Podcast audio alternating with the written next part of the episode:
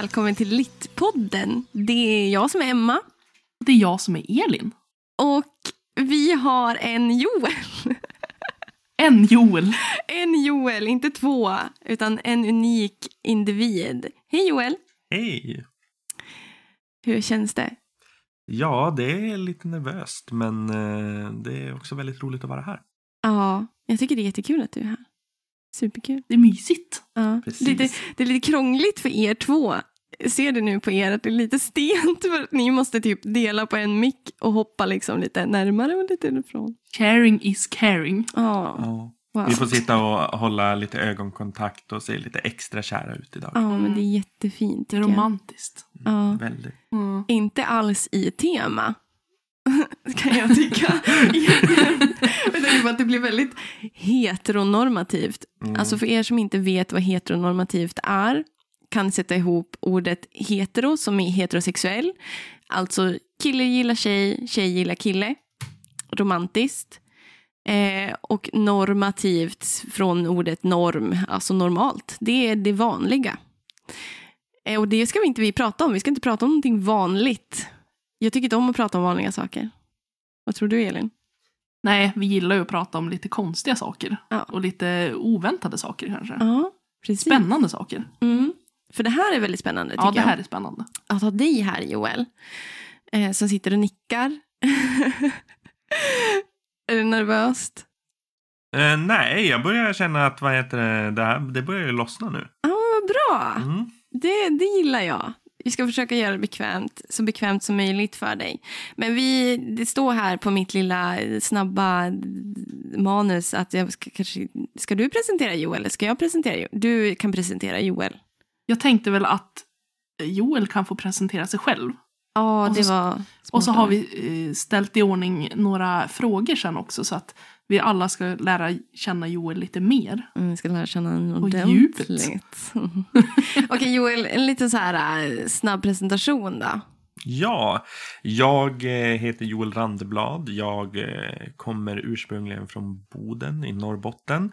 Jag är 26 år gammal och eh, läser litteraturvetenskap i, vid Umeå universitet. Eh, just nu så är jag väl här för att prata om mitt, ett av mina specialintressen inom litteraturen som just är queer-litteratur. Exakt. Snygg presentation ändå. Det är som att du aldrig har gjort något annat. Ja, exakt. Välkommen till poddlivet. Eh, jag känner ju Joel sen i våras, alltså lika kort tid som jag har känt Elin. Mm. Joel var ju typ den som jag klickade med det första jag gjorde. Eh, som tog hand om den här ensamma lilla fågelungen som kom från ingenstans. Klappade henne på huvudet och sa att det här kommer gå bra. Joel tog hand om mig också. Jag, var, jag kom in som en liten instickare. Jag kom in som reserv. Mm. Och eh, jag hamnade i Joels grupp. Ah, Så att vi har ju faktiskt känt varandra längst. ah, wow. Joel, Och du vem tar hand om Joel? Joel tar hand om Joel. jag tänker att Joel, du, samlar, du är så omhändertagande att du samlar på dig människor som kommer att ta hand om dig. Alla kommer vara så himla gammal. tacksamma.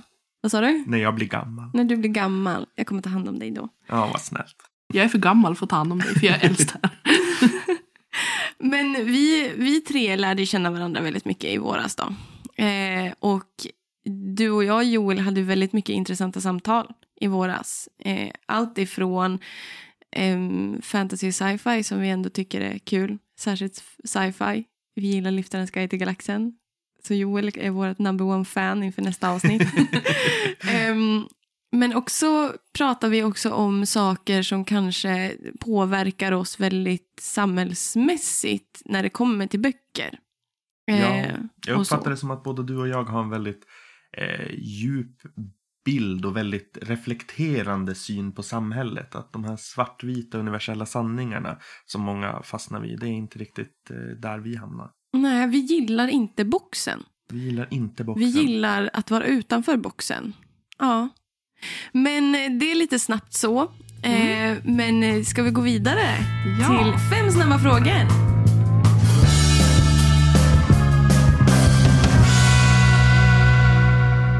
Fem snabba frågor. Som sagt, kräver inte fem snabba svar. Men eh, du får bestämma själv. Men då, Joel, fråga ett. Vilken är din favoritbok? Jag kan ju börja med att säga att jag hatar den här frågan av hela mitt hjärta. För det här är som att välja mellan sina barn. Ja. Eh, jag, har, jag har ju läst, bara det här året har jag läst hur många bra böcker som helst. Som alla är så fina och unika och perfekta på sitt eget vis. Eh, men jag tror ändå jag får gå på mitt, ett av mina eh, safe answers. Och då säger jag Århundradets kärlekssaga av Märta Tikkanen. Åh, jag En- älskar den. Otroligt vacker. Ja. Eh, och väldigt, väldigt känslomässigt Ja. stark bok. Mm. Det är ett stort tips alltså. Från, från mig också.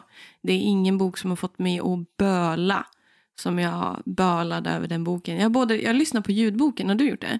Jo, jag har lyssnat på ljudboken För också. det är ju hon själv som läser in den med sin finlandssvenska. Ja. Och det är ett väldigt speciellt och känslomässigt sätt hennes hon säger liksom de här orden på. För det är fruktansvärda saker egentligen. Det är ju Ja. misär.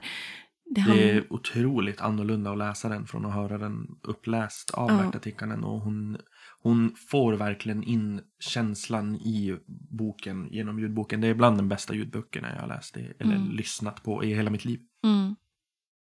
Jag måste ta och läsa den, för jag har inte läst den. Du har inte gjort det? Nej. Du skulle älska den Elin. Alltså Ja. jag säger det med all ärlighet i min lilla kropp. Tänkte jag säga. Lilla kropp. Får jag, får jag tid, och, och, tid och möjlighet så läser jag den. Ja men alltså den är. Den är ganska kort också. Mm. Ja. Ja, det gillar jag. Den, är, den handlar om, Märta Tikkanen är ju en av våra mest eh, framstående författare i svensk eh, modern litteraturhistoria. Hon eh, gjorde en skildring, skildring i den här boken av sitt liv tillsammans med en alkoholist. Eh, på ett väldigt, väldigt rått och känslomässigt sätt. Eh, där liksom det är som att följa med i hennes tankar. Det är som väldigt mycket flöde. Jag tror att den dikten finns med i svensk poesi. En Mm. jättetjock diktsamling vi köpte till förra terminen. Ja. Man kan det döda någon med den. Ja. Det var faktiskt så jag läste den. För att jag Mm. eh, missuppfattade att vi skulle läsa den lilla utdraget som fanns i svensk poesi. Så jag läste hela istället. Ja. Eh, sen fick jag reda på att jag inte behövde göra det. Och det är det bästa misstaget jag har gjort i mitt liv. Jag är glad att man kan bli... Eller bra att man kan bli glad över något sånt. Ja. Ja, jag läste ju hela på svensklärarutbildningen. Då skulle vi läsa hela den där äh, diktsamlingen, eller den boken. Inte svensk poesi då, men Märta Tikkanens. Eh, eh, och det var, vi var väldigt många som var väldigt, väldigt berörda. Och illa till mods på mycket sätt. För att det är som sagt en väldigt, väldigt rå beskrivning av det misär man kan leva i när man har en närstående som är missbrukare. Och det är just den här dissonansen mellan att älska någon Mm. och samtidigt på något vänster hata den. Ja, Det här um, dubbelheten när det inte finns ett klart svar. När det inte riktigt när man inte vet vad man ska göra. Det är det som är så vackert i boken Ja. på vänster. För den är så ärlig och så äkta. Ja, och då förstör jag det med en kliché och säger att eh, jag hatar dig så mycket för att jag älskar dig och jag älskar dig så mycket för att jag hatar dig. Där någonstans är Mm. vi i Märta Tikkanen. Men det är inte Märta Tikkanen vi ska prata om. Vi ska fortsätta till nästa fråga. Förlåt. Okej, fråga två. Vilken är din värsta bok? Eh, där det är svårt att säga vad jag älskar så har jag väldigt lätt att säga vad jag hatar. Det brukar vara så. Kan relatera. Hat har vi lätt för. Nej, men jag har två stycken, vad heter det, ordentliga hatböcker. Den första är Ulysses av James Joyce. Åh. Det? Men Joel. Jag vet att litteraturmänniskor tenderar att tycka att den är genial och den är genial. Men den är så extremt tråkig och svårläst. Jag är Ja. inte ett fan av James Joyce Nej. överhuvudtaget. Och så Vi sen, mådde skit i våras. jag förstår det. Ja. Eh, och jag bestämde ju mig för att jag skulle läsa hela boken. Wow. Och eh, det, nej, nej. Vet du, vi får se om man någonsin kommer tillbaka och läser den en gång till och tycker att den är jättebra då, men jag betvivlar det. Eh, den andra är ju en klassiker att hata och det är August Strindbergs Röda rummet. Alltså det känns som att det, jag ser en röd tråd. Typ alla som från första avsnittet som har skrivit lite om vad de tyckte. De bara, oh, men alltså jag förstår varför du känner som du känner kring Röda rummet. Alltså det är en värdelös bok. Och jag bara, ja, den är ju det, typ. Jag läste, mm, den, vi läste ju den allvarsamma leken av Hjalmar Söderberg efteråt. Och jag tycker den påminner väldigt mycket om Röda rummet, fast bra. Ja. Mm, ja, men jag tänkte också säga det att det är ju en bra version. mm, Nu har inte jag läst Röda rummet, mm. men jag har hört att de påminner om Mm. varandra lite grann i alla fall. Jo, och jag tror att det har väldigt, där handlar det väldigt mycket också om att liksom men Röda rummet är väldigt uttjatad också. Den allvarsamma leken är väl också en så här typiskt informell kanoniserad bok. Kanon är, där pratar man om vad som är högt och lågt. Alltså bra moraliska böcker och dåligt moraliska böcker. Liksom. Så kanon består av de böckerna som, som man anser ska läsas. Du bör ha läst de här böckerna. Ehm, och jag vet inte, det, det blir liksom någonstans också med all information man vet om Strindberg och hans syn och hans själv egna strävan mot att bli den här akademiska eliten själv som skrivare gjorde han till en rätt så rejäl hycklare när det kommer till Röda rummet. För att Röda rummet då handlar om den här skillnaden mellan akademi och borgare. Mm. Och det, det, det ger en jävligt sur eftersmak Mm. någonstans. Kan jag tycka. Dump it bara. Dump Kasta bort den. Jag står bakom dig 100%. Tack. Jag står bakom dig Joel. Nej, jag sitter framför dig. Dåligt skämt. Ja. Men då fråga tre, för att eh, gå vidare. Om du skulle kunna få kliva in i en bokvärld, vilken bokvärld skulle du då vilja kliva in i? Ehm, den är däremot ganska enkel för mig. Och där skulle jag säga att jag kan nog, det är nog många som relaterar till min dröm att gå på Hogwarts. Och få lära sig eh, magi och få allting sånt där. Jag kommer ihåg när jag läste Harry Potter, eller varje gång jag läst Harry Potter så tycker jag alltid de bästa delarna av Harry Potter är när de går i skolan och har lektioner och lever sitt vardagsliv. För jag tycker det ser så roligt ut. Man satt själv där hemma och satt på mattelektionerna och tänkte fy fan vad jag hellre hade varit och lärt mig History of Magic istället.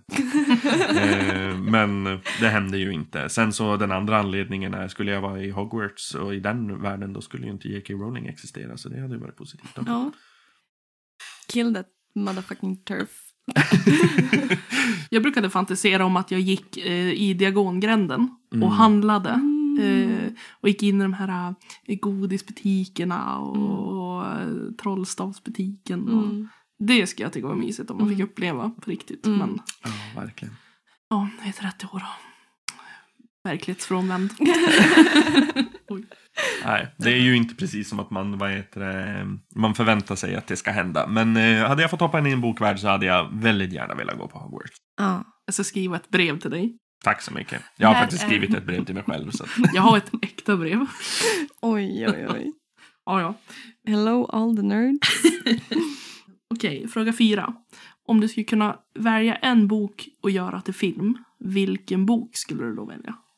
Eh, den här var lite svårare just för att det är ju inte alltid som böcker blir bra som filmer. Eh, men jag eh, läste faktiskt väldigt nyligt, eh, bara för någon vecka sedan, så läste jag eh, A Song of Achilles, eller The Song of Achilles av Madeline Miller. Och jag tänkte faktiskt att den här hade nog blivit en ganska bra film.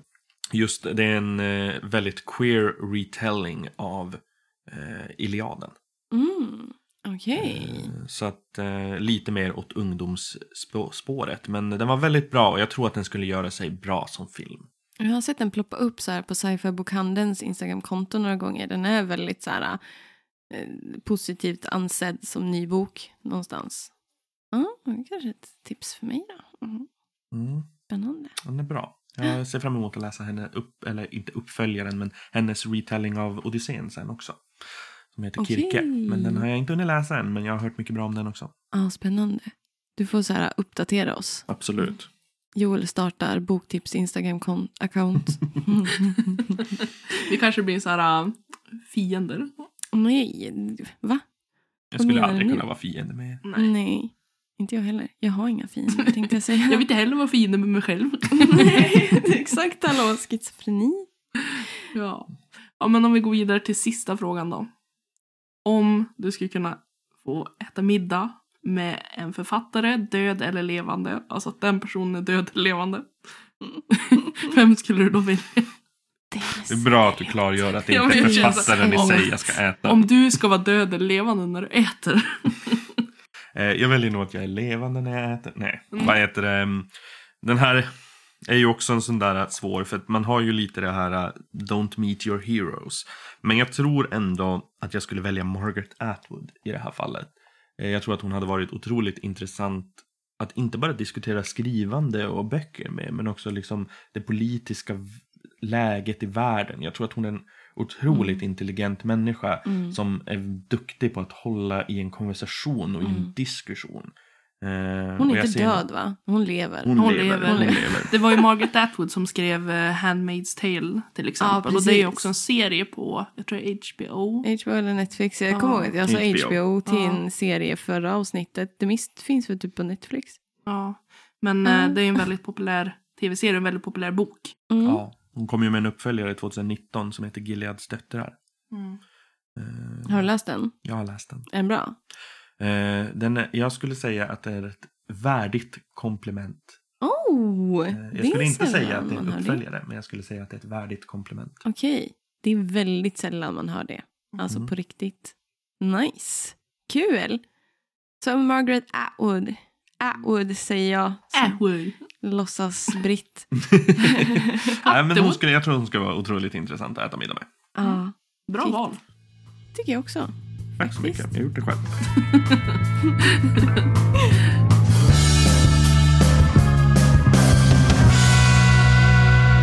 Ja, men ska vi gå vidare till våra huvudfrågor? För vi är ju här, inte egentligen så mycket för att prata om dig Joel. Även om det är ett otroligt intressant ämne. och har väldigt mycket med dig att göra. För att du är den som typ har varit vår lilla vägvisare i den här genren. För vi ska prata genreteori. Eller nej, genrelitteratur. Jag är så fast i mina teorier nu med kandidatuppsatsen. För Men- i helvete. Men jag tänker först innan vi ställer våra frågor så hade du en fråga till oss Joel. Mm. Jag hade egentligen mest bara velat höra från er. Vi ska ju prata om queer-litteratur idag. Mm. Eh, och jag undrar lite, hur definierar ni eller hur ser ni på queer-litteratur? Mm. Det här är ju en svår fråga. Jag, alltså jag är transparent och säger att på riktigt så har jag inte riktigt reflekterat över den som genre eller ens att det finns en genre fokuserad på queer-litteratur um, förrän jag började, förrän jag lärde känna Joel Mm. på sätt och vis. Vilket jag kan tycka att det är lite så här tråkigt någonstans för att jag tycker att det är rätt så viktigt. Eh, jag eh, har en bok som heter Litteraturteori, en mycket kort introduktion. Och jag tänkte så här, alltså teori och litteratur är ju skillnad. Teori är ju typ hur man analyserar ett verk. Men de säger att queer-teori i alla fall är att det handlar om att typ ifrågasätta det som är liksom en normal konstruktion av kultur. Alltså typ, och då specifikt den heterosexuella normativiteten. Eh, där vi har till exempel Judith Butler som är pionjär när det kommer till queer-teori eh, och synen på eh, het heteronormativitet och, eh, och liksom synen på det liksom queer, queera i böcker och i samhälle och kultur. Eh, och det är väldigt, väldigt eh, spännande för att jag känner att ju mer jag läser på om queer-teorin så blev jag mer intresserad av queer-litteraturen. Och det handlar liksom egentligen att, alltså queer-teorin handlar om att ifrågasätta varje som helst identitet, inklusive sin egen. Alltså det handlar inte bara om det sexuella som man lätt, särskilt när man är yngre, faller in på någonstans. Nej, alltså för mig, jag kan inte dra mig till minnes att jag har läst särskilt många böcker där det inte har varit liksom, Heteronormativt. nej men precis, utan det har ju alltid nästan varit det här äh, kille blir kär i tjej. Fucking Twilight. Ja men, men inte bara Twilight men det är liksom i standard och kärnfamiljer och Mm. eh, men jag minns också, jag sa i introavsnittet också att en av mina favoritböcker är Älskaren av Marguerite Duras. Mm.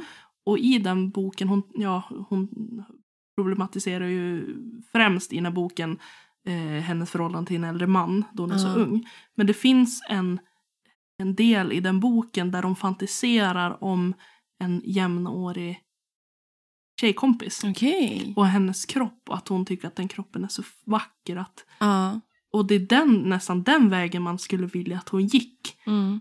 Eh, att, att det blev någonting av det där. För det Ja. blev bara liksom en liten, liten del Mm. i handlingen. Det, det, det ledde liksom ingen vart. Och det där är ju så svårt någonstans också. Det är ju finns ju så otroligt starka åsikter fortfarande när det kommer till hbtq plus-rörelsen även här i Sverige. Där Mm. man kan tycka att det skulle finnas lite mer bildning än vad som faktiskt finns. Ehm, så att det är många böcker som kanske varit där och nosa. Alltså många författare som kanske tyckt någonting annat än vad de faktiskt har skrivit när det kommer till just det här eh, normativitet och sådana saker. Ehm, de lämnar väldigt mycket att önska. Och det blir väldigt ledsamt kan jag tycka många gånger. Men där har jag, alltså jag har ett så stenhårt eh, boktips. Alltså Ursula Le Guin skrev en bok som heter Left Hand of Darkness. Det är en sci-fi bok. Eh, som hon kanske skrev, alltså hon typ 60-talet någon gång. Alltså hon är ju fantasin och sci-fins typ så här äh, lilla farmor tänkte jag säga, men det lät väldigt nedvärderande. Hon är bara vårt matriarkat när det kommer till det. Matriarkat, för er som inte har koll på det, jag hoppas att ni har koll på det, annars googla.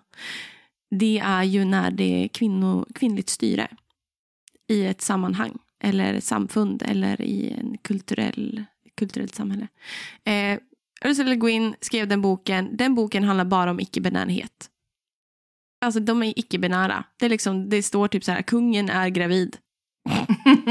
och det skrattar jag åt för att jag är så sån som är inkörd i min egen kulturella syn. Men hallå, på riktigt, hur coolt är inte det? Ja. Kungen är gravid. Mm. Det skrev hon på 60-talet. Helt fantastiskt. Alltså sjuk. Hon är sjuk. Eh, Alltså på ett positivt på ett sätt. sätt. Ja. Positivt sätt. Bara, Hon är sjuk. Nej men alltså boktips, Left Hand of Darkness. Bästa sci-fi, typ.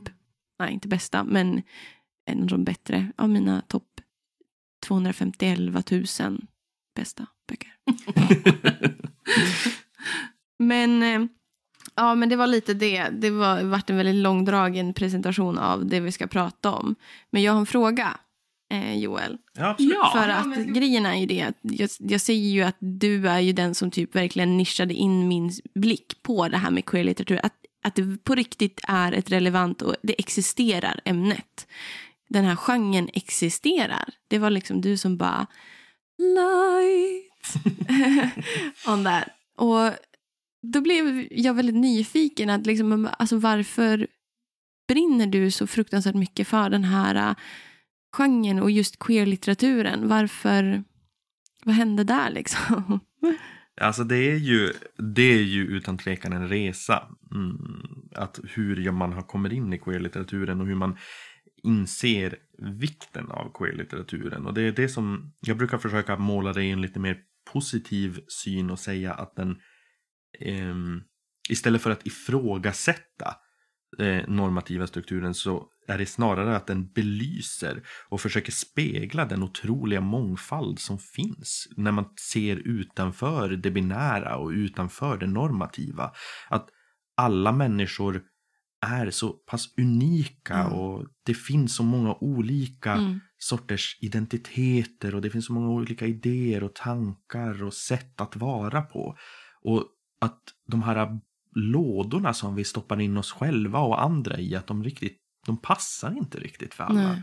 Och jag, eh, det är det som, Och vi gillar inte lådor. vi gillar inte lådor. För det är det som många tänker att queer-litteratur det är ju bara om vad heter det, ja, men homosexuella och bisexuella och transsexuella. Och ja, de är en stor del av queer-litteraturen. Men det handlar också mycket om identitet Mm. i sin helhet. Mm. Att det är personer som faller utanför det normativa och försöker belysa att, men hallå, vad är det egentligen som gör att jag inte är normativ? Och vem är det som skapar det Ja, men normativa? att människor är mer komplicerade än vad vi tror. Att Ja. det är så här att vi har inte ett platt känsloliv. Vi är inte platta människor. Vi är unika varelser som är satt på en unik jord som just nu går åt helvete på grund av covid-19 och allt det där. Ha. Men, men jag håller med dig. Det, det är också det som jag har känt att jag har plockat fram när jag väl har börjat titta mer på det här. Ja, och det är ju liksom en...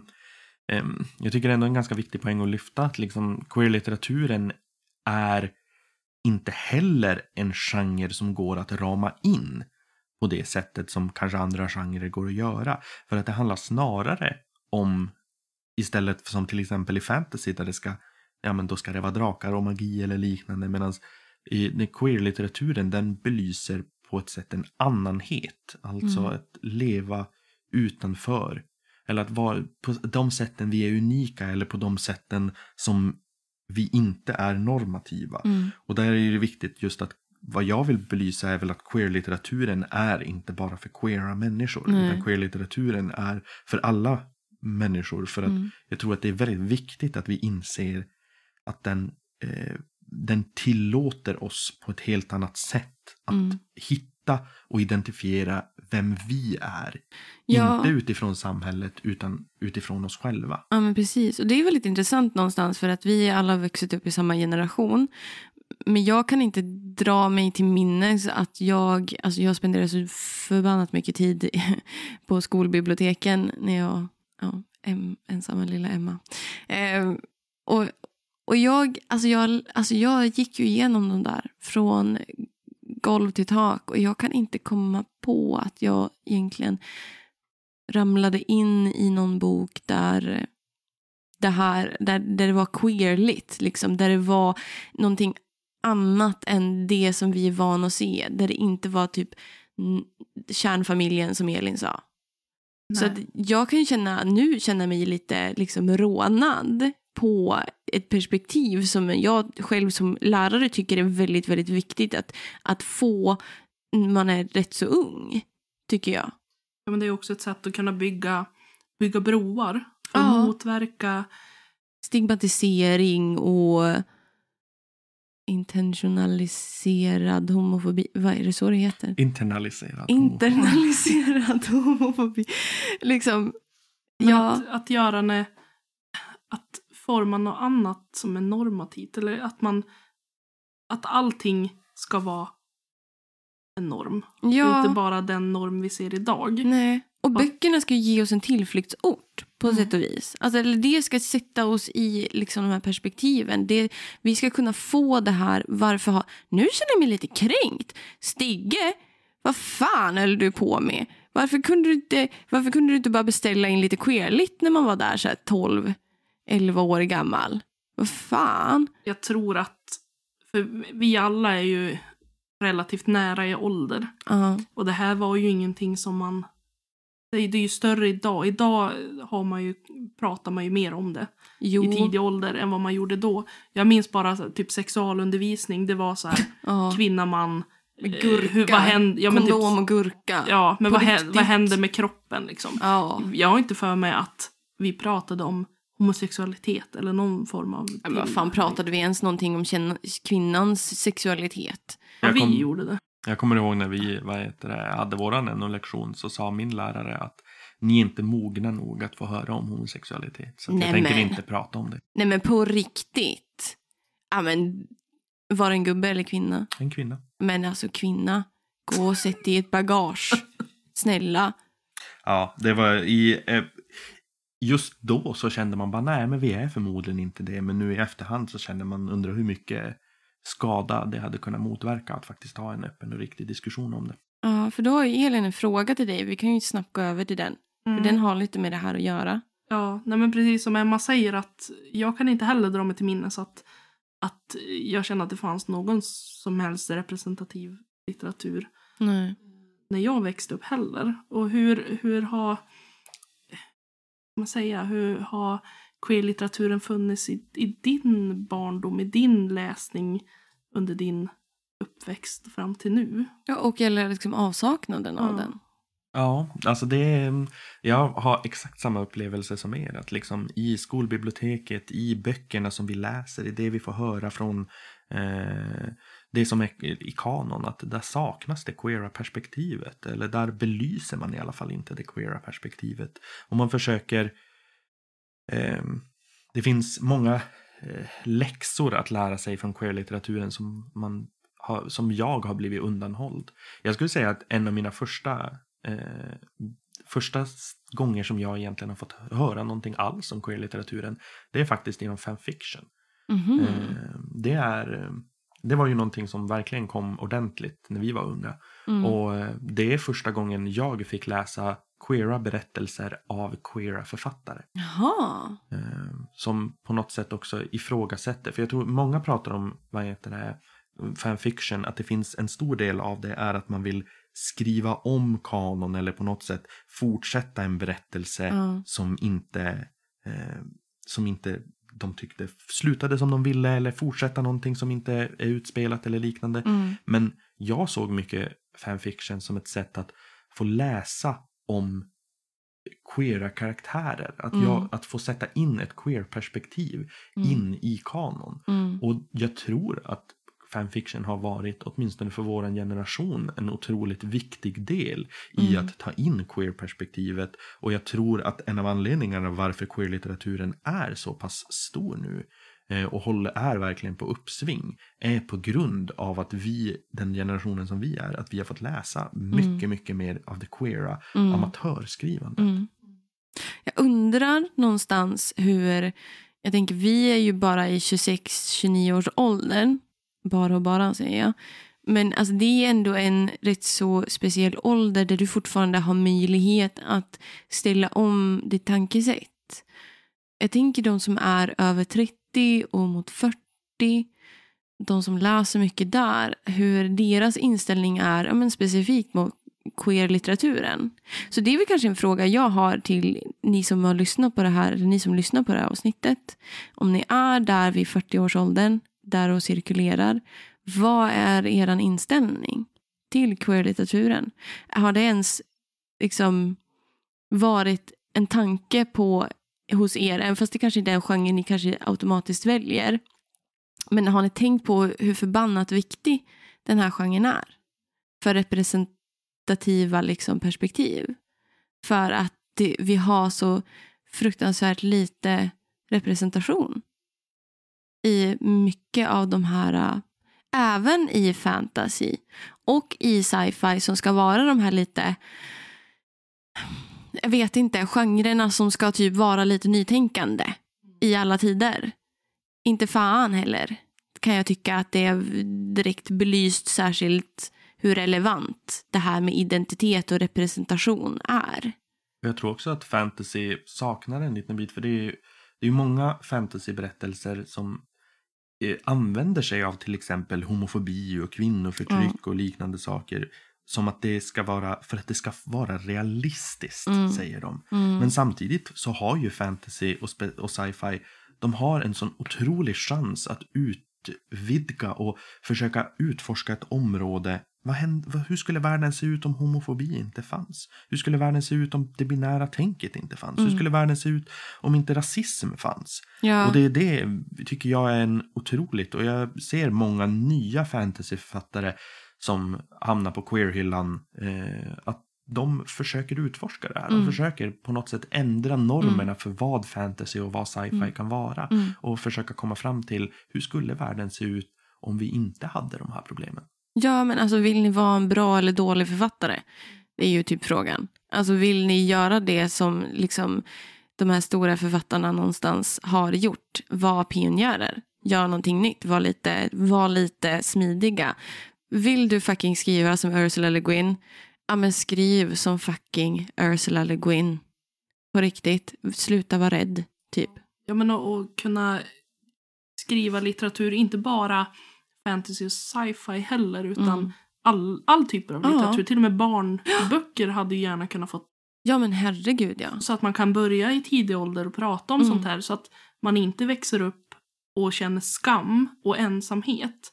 För att man, Mm. man, man kan ingenting om ämnet. Man liksom har aldrig hört talas om Nej. ordet gay Nej. överhuvudtaget till exempel. Nej. Utan att man känner att det, det, det är okej och att vi har pratat om att det, det jag känner det det är inget konstigt. Nej.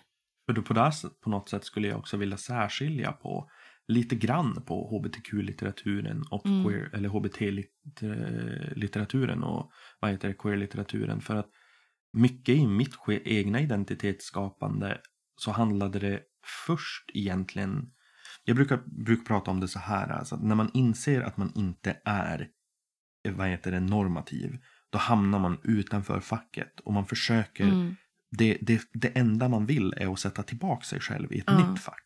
Och då hamnar man i till exempel homosexuellfacket där, man, där det finns ännu fler saker. Man ska gilla vissa grejer, man ska vad heter det, Mm. ha vissa åsikter. Och, ehm, man internaliserar en ny slags Du måste förklara vad ordet internalisera betyder. In, ja, eh, internalisera innebär att man, vad heter det, om vi, vi pratade ju lite tidigare om internaliserad homofobi. Eh, och det handlar om att som unga och även i hela våra liv så får vi ju lära oss vad som är normen. Alltså Mm. till exempel att vara heterosexuell. Man ska se ut på ett visst sätt. Mm. Man ska ha eh, vissa kläder beroende på vilken, vilket kön man Mm. har fått eh, satt till sig som Mm. vad heter det, barn. Och det, det finns väldigt många olika sådana saker. Och det man brukar prata om då är att man internaliserar ett värderingssystem. Mm. Vilket gör att till exempel många som pratar om internaliserad homofobi kan till exempel känna att de hade hellre varit straight. Mm. Eller de kanske värdesätter att jag beter mig maskulint. Mm. Även fast jag är homosexuell. Mm. Vilket betyder att det gör mig till en bättre människa för jag lever upp till normen. Mm. Så det handlar helt enkelt om att se ner på sig själv eller andra. Eller eventuellt lyfta sig själv och andra Mm. för att de uppfyller normativt beteende Mm. trots att de är normbrytare. Alltså typ ett krasst exempel på det är det att särskilt i kvinnliga liksom lesbiska förhållanden så frågar folk alltid vem är mannen då? Precis. Som om det skulle spela någon roll. Eh, liksom, vi är lesbiska. Eh, man som genus tänker du eller man som kön? Ingen av oss har könet man. Mm. Eh, man som genus, ja det beror ju på om vi är icke-binära eller identifierar oss som någonting annat än cis-norm. Liksom. Eh, dum fråga. Sätt dig ner. Tänk på en ny. Ja. Jag, är väl, jag blir väldigt upprörd över de här sakerna. Det här är ett väldigt, för mig, känsligt ämne. Eh, på det sättet att jag förstår inte hur man kan värdera människor på det sättet. Jag tänker att vi värderar människor utifrån kärlek och ja, flum. Kärlek och hopp och allt det där som Elin tycker om. Liksom. För mig är det konstigt att skapa de här äh, kategorierna på sätt och vis. Där du liksom ska vara antingen eller. Och det är väl också mycket för att, jag vet inte, böckerna har ju gett mig en tillflykt. Att slippa känna att jag är konstig. För att det här handlar ju också om, om minoritetsgrupper, alltså utanförskap i ett gruppsamhälle. Att liksom, vi måste titta på det här med queer-litteraturen är liksom, alltså hbtq plus individer blir ju satt i en minoritetsgrupp. Och fight me on that. I dare you. Jag tror att det, du kommer känna dig rätt så jävla överkörd. Men det är samma sak, jag tillhör ju minoritetsgrupper med dem med MPF, alltså ADHD, ADD, där man Stor, viktig poäng, det är också en identitetsfråga. Det handlar inte om psykisk sjukdom. MPF, ADD, ADHD, autism, alla MPF-dragen eh, är inte psykisk ohälsa eller psykisk sjukdom. Så är det bara, utan det handlar om identitet. Vem är jag tillåten att vara i ett sånt här normativt samhälle? Okej, jag tillhör inte normen. Någonstans i vare sig hur jag tänker, hur jag beter mig, hur jag pratar, vad jag agerar på. Jag är en känslomänniska. Det är bara så det är rent krasst jättegeneraliserad beskrivning. Men du får ju inte vara, du får inte styras av dina känslor i det här samhället. Och någonstans det här med queer-litteraturen handlar ju jättemycket som du säger om identitet och representation. Absolut. Tar vi det- bort det liksom, vad fan har vi då? Ja. Det som jag tänker mycket på också just hur man själv kände det är ju den här att det finns ju en trygghet i kategoriserandet och jag tror det är det som vad heter det, ganska tidig queer-litteratur, speciellt om mot ungdomar, riktar sig mot. Att man försöker på något sätt visa att okej, du har blivit utesluten ur det normativa. Då hittar du en kategorisering i det icke-normativa. Så att man skapar en icke-normativ identitet. Det finns fortfarande ett ident- identitetsskapande med i det här. Men Queerlitteraturen på något sätt försöker bygga om, bygga om den här tanken om att du måste ha en tillhörighet till en kategori för att ha ett värde.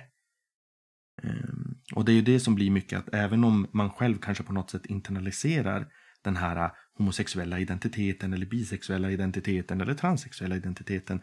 Ehm, att det blir på något sätt att queerlitteraturen försöker säga okej men är det här äh, en identitet du har tagit på dig på grund av andra människor?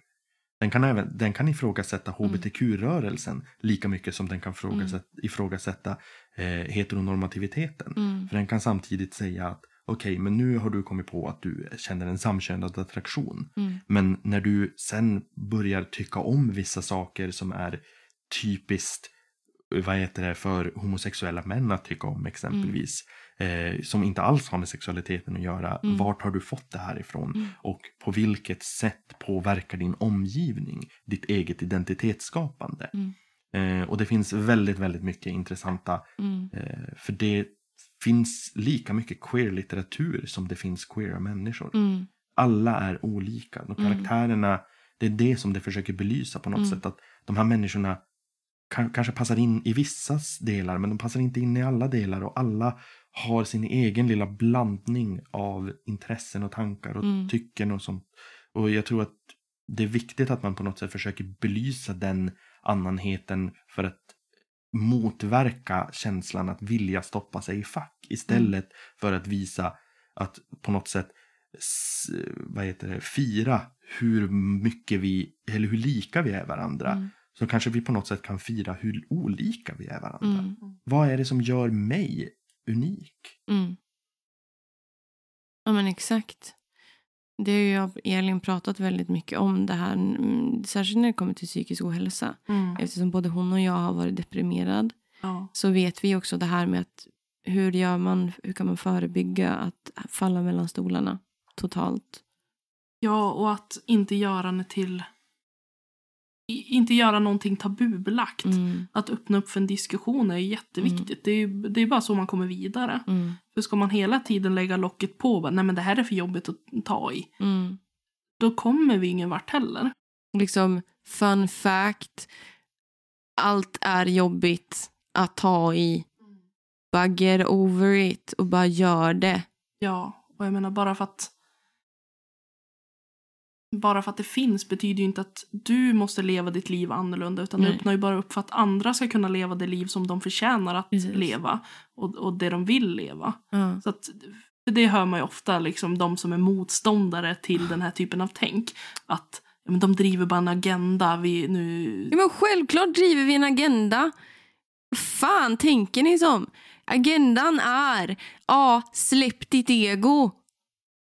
Släpp ditt Jag känner att ego. jag har skrikit väldigt mycket i den här micken.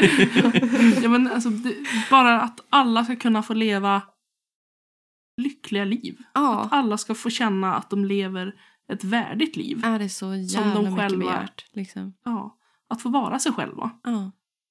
Det, det borde väl vara en, en grundläggande mänsklighet Ja. kan man ju tycka.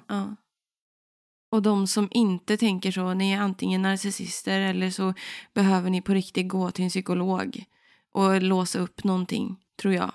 Ja, men och det här är ju Tips. också arv. Det här kommer ju från generation av generation av Förtryck. förtryck. Och det enda vi kan göra det är att öppna upp diskussionen och föra in det här i som många tycker obehagliga ämnet och Mm. göra det Icke obehagligt, för det är inte obehagligt. Jag tror många känner också att de inte kan relatera till queer-litteraturen. Och det tycker jag är en helt felaktig uppfattning av den. Ja. För att det här, det här som sagt, det är inte bara för queera människor. Det är inte bara för de som identifierar sig som homosexuell eller bisexuell eller liknande.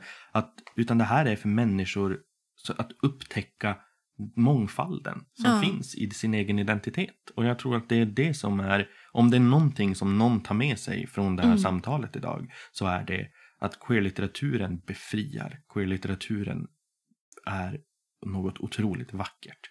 Vi får avsluta med det tror jag. Mm. För att det var en riktigt bra poäng. Ja, bra. Queerlitteratur befriar, queerlitteratur är något vackert. Mm. Boktips snabbt. Yes, jag kör tre snabba här.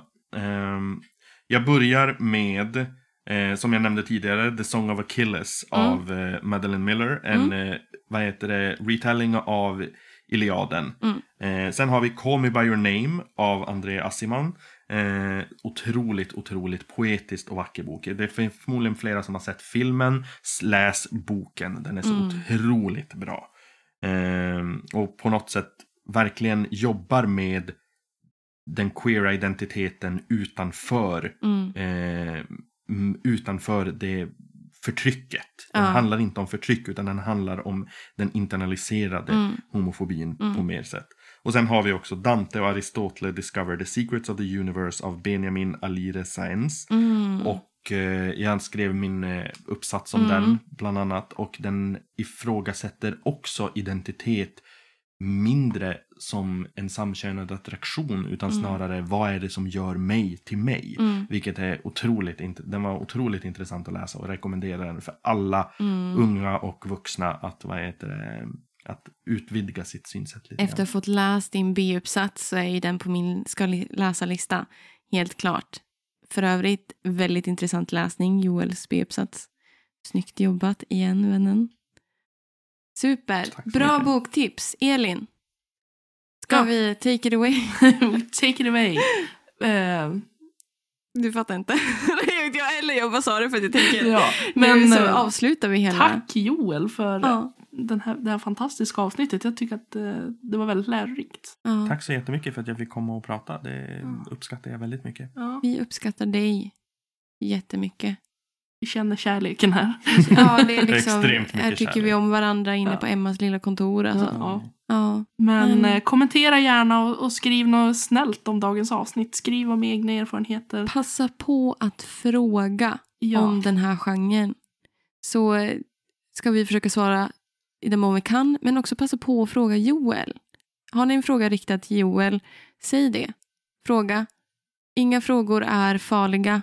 Eh, bara gör det snällt, gör det inte otrevligt.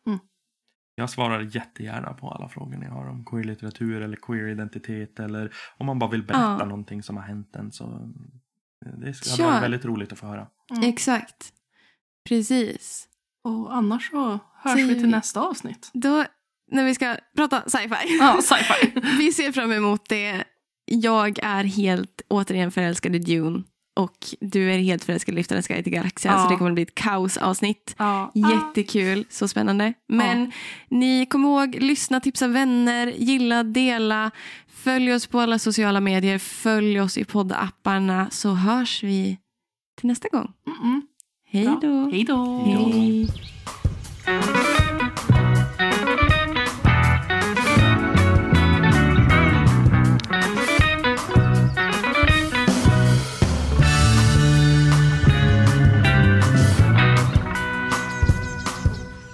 Albert Einstein sa en gång att två saker är oändliga. Universum och människors ignorans. Och jag är inte säker på det förstnämnda. Ni har lyssnat på Littpodden med mig, Elin Östlin och Emma Granholm. Musik och klipp av Magnus Kjellson och Robert Granholm. Management av Ida Berglund. Tack för att ni har lyssnat.